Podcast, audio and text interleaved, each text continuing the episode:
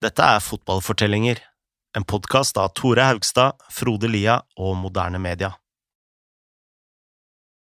I dagens fotball finnes det mange som kritiserer Mino Raila.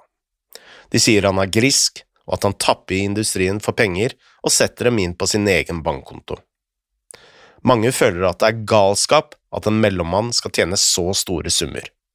Men ingen av klientene klager på Raiola, som selv sier at han aldri har kosta spillerne sine en eneste krone. I denne episoden skal vi se på hvordan Mino Raula opererer.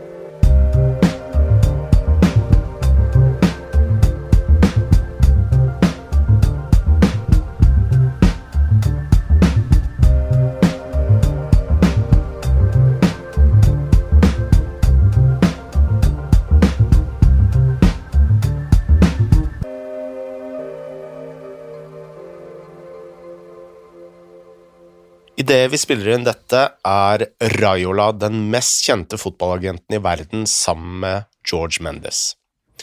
I 2020 hadde Forbes ham på fjerdeplass over fotballagentene som tjener mest i hele verden, med en fortjeneste på rundt 85 millioner dollar. Han representerer fortsatt Zlatan, pluss eh, store stjerner som Paul Pogba, Mario Balotelli og Gianluigi Donnarumma. I 2019 fikk journalisten Jason Burt fra The Telegraph noe så sjeldent som et intervju med Raiola på kontoret hans i Monaco, hvor han bor av helt sikkert skattemessige årsaker. På veggene hang det plakater av James Bond, som er Raiolas store helt. Og Raiola har selv, han svetter ikke i dress da, som sitt idol, men heller i joggedress, noe han ofte gjør fordi han tror det får folk til å undervurdere han i ulike situasjoner. På pulten lå det bøker som We Are Our Brains av Dick Schwab og Thinking Fast and Slow av Daniel Kahneman. Og på tavla så sto det et motto It's never crowded along the extra mile. Selv om Raula bor i Monaco, så bruker han mye tid på å fly rundt i Europa og møte spillere og direktører. Han snakker visstnok italiensk, nederlandsk, engelsk, fransk, tysk, spansk og ikke minst portugisisk. Han er spesielt aktiv i Italia og Nederland og gjør eh, nesten aldri eh, business i Tyskland, hvor han er lite respektert blant direktørene. Han har sagt at eh, når han ringer opp noen i Tyskland, så svarer de stort sett 'Mino hvem?' Eh, med all respekt, sier Raula. En sportsdirektør som ikke vet hvem Mino Raula er, burde lete etter en annen jobb. Ifølge Raiola så er det aldri han som oppsøker nye spillere, det er de som kommer til han. Når han møter en potensiell klient, så presenterer han sine planer, og så er det noe som liksom må klikke, da.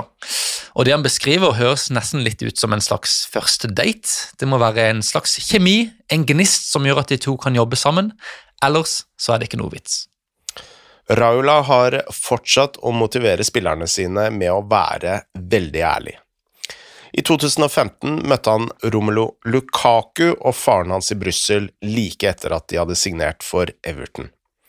Raiola sa umiddelbart at uh, hadde han kommet inn i bildet tidligere, hadde Lukaku aldri gått i en liten klubb som Everton. Raiola sa ting til Lukaku som ingen andre hadde turt å si til han før. Han sa at han liksom spilte som en fyr som aldri hadde satt foten på en fotballbane, og at han var for snill og for ubesluttsom. På mange måter den samme leksa som han hadde gitt til Zlatan. Um, og så hentet han da frem eksempler som Zlatan, Nedved og Bergkamp, og sa at dette var skikkelig toppspillere. Ville Lukaku bli som en av disse? Vel, da måtte han jobbe mye, mye hardere. Og så fort Lukaku slapp seg ned litt, eh, et par sånn hakk, så visste han selvfølgelig at telefonen kom til å ringe. Dette kan virke brutalt, men ifølge Raula gjør han dette fordi han bryr seg. En av de store forskjellene mellom han og Mendes er at eh, Mendes sitter på toppen av et helt globalt nettverk som drives av speidere, rådgivere og mellommenn. Han har så mange klienter at det er umulig for ham å ta seg av alle. Raiola på sin side jobber tilsynelatende alene. Det er han de ringer personlig når de har problemer, og det er han som ringer når han er misfornøyd med arbeidsmoralen. Og Raiola liker dette.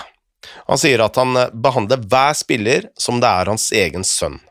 Om de slutter å ringe ham, begynner han å lure på om det er noe galt.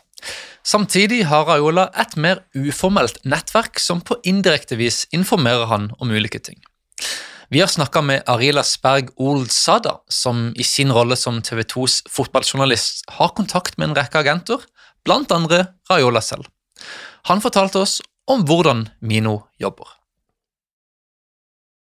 Jeg tror han forholder seg jo først og fremst til de største fiskene han har. Han har jo et ganske sånn begrenset utvalg av spillere som han representerer, eh, og som er, er i, i, toppen, eller store, store talenter. I motsetning til f.eks. Uh, Jorge Mendes, som har et helt selskap med masse folk som jobber der, og, eller, eller, en del av disse altså Jonathan Barnett sitt selskap i England, hvor uh, hvor det er eh, filialer i alle mulige land og den type ting.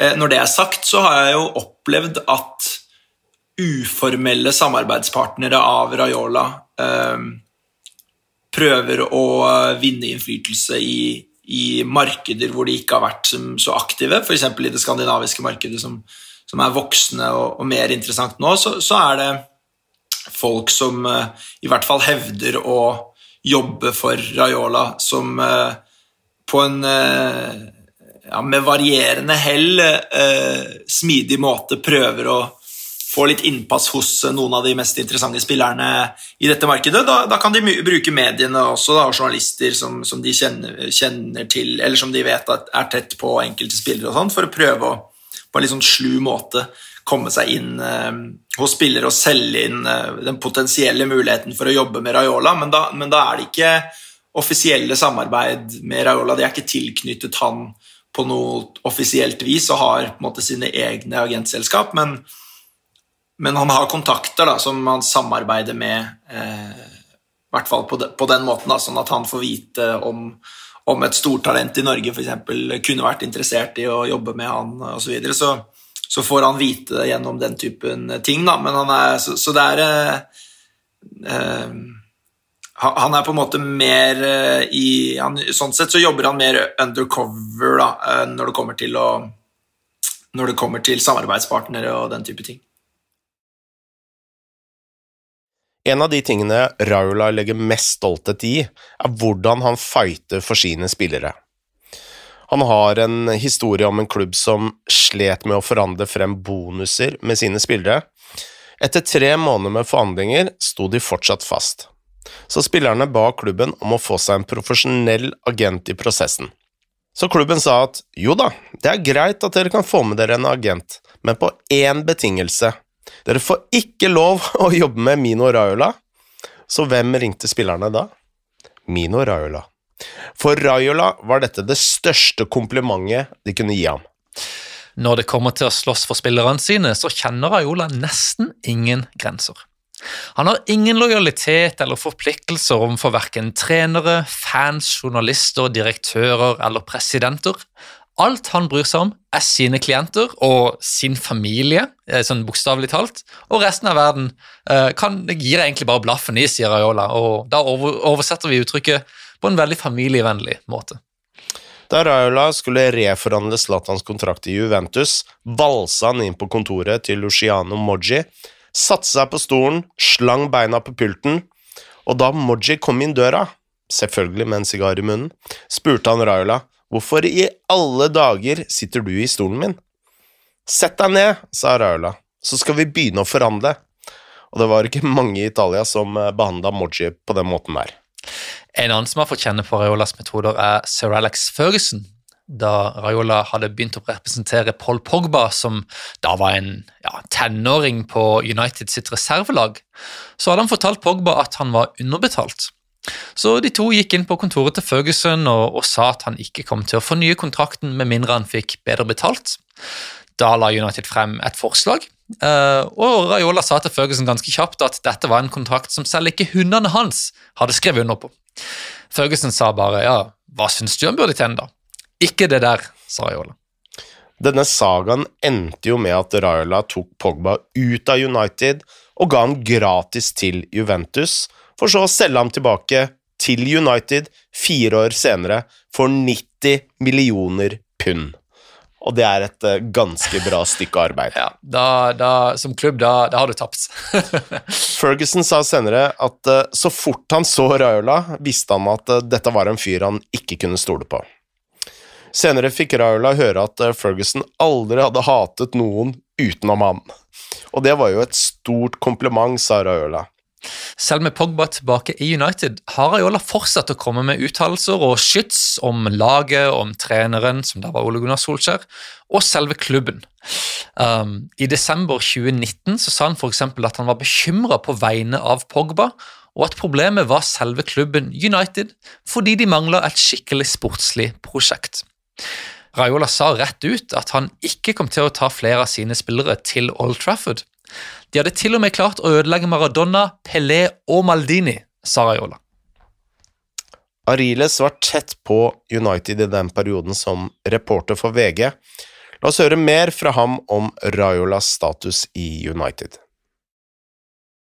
Eh, da man snakket med folk fra klubben, så var det en sånn eh, Han var på en måte en maktfaktor, og han var en maktfaktor som de skulle ønske at de slapp å forholde seg til, og, og som de snakka om i ganske sånn uh, ufine ordelag, men, men, som jeg tror de forsto at de måtte forholde seg til, og, og ikke minst uh, litt sånn motvillig uh, var nødt til å innkassere hans effekten av hans makt. Da. Altså, annet da, da han snakket mye rundt Paul Pogba da Pogba fortsatt var en superattraktiv fotballspiller som United hadde lyst til å beholde, så eh, så, så hadde det så snak, ble det snakket om altså et lite intervju av Raiola i et italiensk eller engelsk eller nederlandsk medie hvor han nevnte Pogba og snakket om Man United. var både snakkisen på presserommet eh, i ettertid, men også når man snakket med de ansatte i klubben og den type ting. Og, og, han var et mareritt for uh, f.eks. kommunikasjonsdirektører uh, i klubbene der som hele tiden blir, må, må kon konfronteres med hans uttalelser og prøve De jobber jo veldig hardt i Manchester United og, og andre engelske klubber med å styre narrativet og fremstille en versjon av virkeligheten som er som, er, som de er komfortable med. Da. Og, og det gjør det vanskelig når en så mektig og innflytelsesrik aktør er så eh, frittalende og eh, offensiv da, i saker som ofte angår Manchester United. Så han var en pest og en plage for, eh, for den klubben, i hvert fall. Det var første gang jeg fikk oppleve det sånn på eh, førstehånds, da. Når Raiola slåss for at en overgang skal skje, så er det ofte av strategiske grunner. Kanskje er spilleren underbetalt, som med Pogba. Kanskje vil spilleren til en større klubb, som med Zlatan i Ajax. Eller kanskje er årsakene litt mer komplekse, som da han anbefalte Donnarumma å ikke fornye kontrakten med Milan.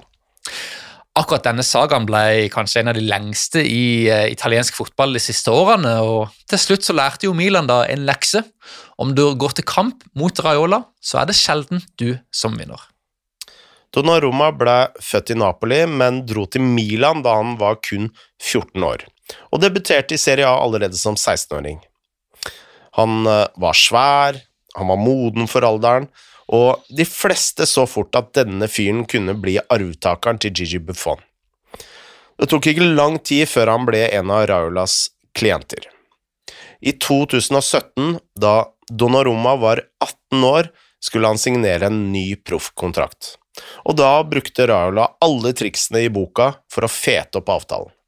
For å vite mer om dette har vi fått hjelp fra Trygve Rød. Han er en av personene bak Støvelball, en strålende podkast om italiensk fotball som vi kan anbefale varmt. Vi ba han om å ta oss gjennom sagaen om Raiola og Donnarumma. Det starta jo egentlig med kontraktsforhandlinger i 2017 18. Donnarumma er da 18 år og har ett år igjen av kontrakten sin med, med Milan. Denne tida er jo Milan eid av kinesere, og sportslig så er de styrt av Jeg, jeg vet ikke, men Fasone Fasone, Mirabelli og co. de, de er iallfall kjemisk rensa for forståelse og manøvrering i, i farvann som inneholder sport og økonomi. Um, per 2022 så, så, sliter Milan fortsatt med, med senskader etter de, de sportsøkonomiske brutalitetene de ble utsatt for under, under regimet der. Det er egentlig vært en podkastserie i seg sjøl, det marerittet der, men, eh, men, det får bli. Um, Milan-ledelsen er på dette tidspunktet her fast bestemt på å beholde Donnarumma, naturlig nok. Eh, de tar turen til, til Monte Carlo-området, eh, hvor da en av Mino Raiola sin mansions ligger. De tilbyr her Donnarumma en totalpakke på, på 50 millioner euro, fordelt på fem år. Vi snakker altså nærmere 500 millioner norske kroner i brutto lønn over en femårsperiode til en 18-åring. Det var så klart ikke nok. Um, Raiola sin, uh, sin, historie er dog litt annen. Denne ble formidla gjennom en pressekonferanse fra kjøkkenet hans i denne Monte Carlo Mansion det er snakk om. Um, og det vil invitert uh, ja, en, en, en, kjerne av, av pressefolk som, uh, som han visstnok skal ha tillit til. Hvor han da sier uh, eller forklarer hvorfor det ikke ble noe, noe ny kontraktsignering for Donnarumma. Dette har ingenting med penger å gjøre. Vi rakk aldri å prate om lønn eller eventuelle utkjøpsklausuler. Både jeg, Gigio og Gigios familie har blitt trua på livet. Donnarumma var i utgangspunktet klar for å signere ny kontrakt, men vi ble nødt til å forlate forhandlingene pga. det fiendtlige miljøet og stemninga fansen og klubben har skapt. Etter at disse kontraktsforhandlingene blir forlatt rundt, eh, rundt sommertida 2017, så drar Donnarumma for å, for å spille U21-EM med Italia. Det er Italia mot, mot Danmark, hvor da Italia-fansen vil tro majoriteten her da er Milano-basert og av typen rød og sort. Disse hadde da tatt seg bryet med å printe ut og ta med falske dollars som de så midtveis i kampen, kasta ut på banen. Ja, midt i kampen. Så kampen ble stoppa og greier, og ja, det, det blir lagt merke til, for å si det sånn. Eh, og i denne sammenhengen, det er da Donnarumma blir døpt Dollarromma. Etter en turnering, eh, U21-turneringa tilbake i Milano, ender jo, det ender faktisk til slutt med at Donnarumma signerer under en kontraktforlengelse med Milan. Det er en totalpakke som, som, ligger på 50 millioner euro, men dette er da eh, kun fordelt på fire år, ikke fem år, som, eh, som Fasone angivelig skal ha tilbudt i utgangspunktet. Så brutto årslønn til da 18-årige Donnarumma legger seg nord for 100 millioner kroner. Jeg husker ikke, kan ikke kursen stående eh, på det tidspunktet der, men i, i, området rundt 100 millioner kroner brutto årslønn til 18-årige Gianluigi Donnarumma. Pluss selvfølgelig at hans 27-årige eh, bror i beste fall en ganske middels målvakt på profesjonelt nivå, om jeg, om jeg så må få, få si og, og, dømme det sjøl. Eh, han må også Milan signere, og han får da ei årslønn på rundt 18 millioner kroner brutto. Det er jo en, en fin liten, uh, liten manøver. Jeg tror ikke det Nå er det jo vanskelig å si, snakke om sånn, men jeg vet ikke hvor mange andre agenter som, som hadde vært i nærheten av å kunne pulle en sånn liten variant. Nei, det er ikke liten, det er en ganske stor variant. Du signerer broren til klienten din for å please klienten, sånn han også skal få litt, litt cash. Altså, det, det, det er jo helt spinnvilt. De neste fire årene sto Donnarumma i mål for Milan. Broren Antonio satt på benken og håvet inn penger, men i fjor sommer var det igjen tid for å forhandle frem en ny kontrakt. Milan kom med en solid lønnsøkning, men så fort Paris Saint-Germain kom på banen med sine qatarske oljepenger og tilbød det dobbelte av hva Donnarumma tjente, så var det ingen tvil. Gigio skulle til Paris. Han dro dit gratis, og Milan satt igjen uten en eneste krone.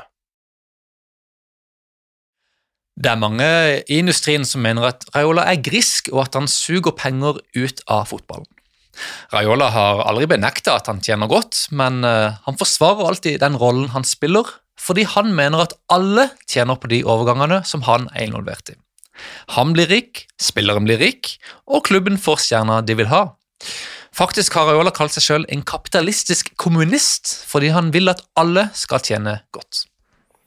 Derfor skjønner ikke Raiola hvorfor han blir ansett som kriminell, og spesielt av den britiske pressen. Han eh, forsvarer også de vanvittige prisene i dagens bransje. Da han jobba med å få Pogba solgt fra Juventus, spådde han at han kom til å slå rekorden for verdens dyreste spiller, noe han fikk helt rett i. Raiola gjorde poenget at eh, det er markedet som bestemmer verdien, og at du ikke liksom kan sette en sånn objektiv og nøytral pris på en spiller. Han sa at om det fins ett Mona Lisa i verden, og man selger det, så er det verdien, det er prisen. Han har også sitert en reklame fra Rolls-Royce hvor det heter at om du spør hva bilen koster, så har du egentlig ikke råd til bilen.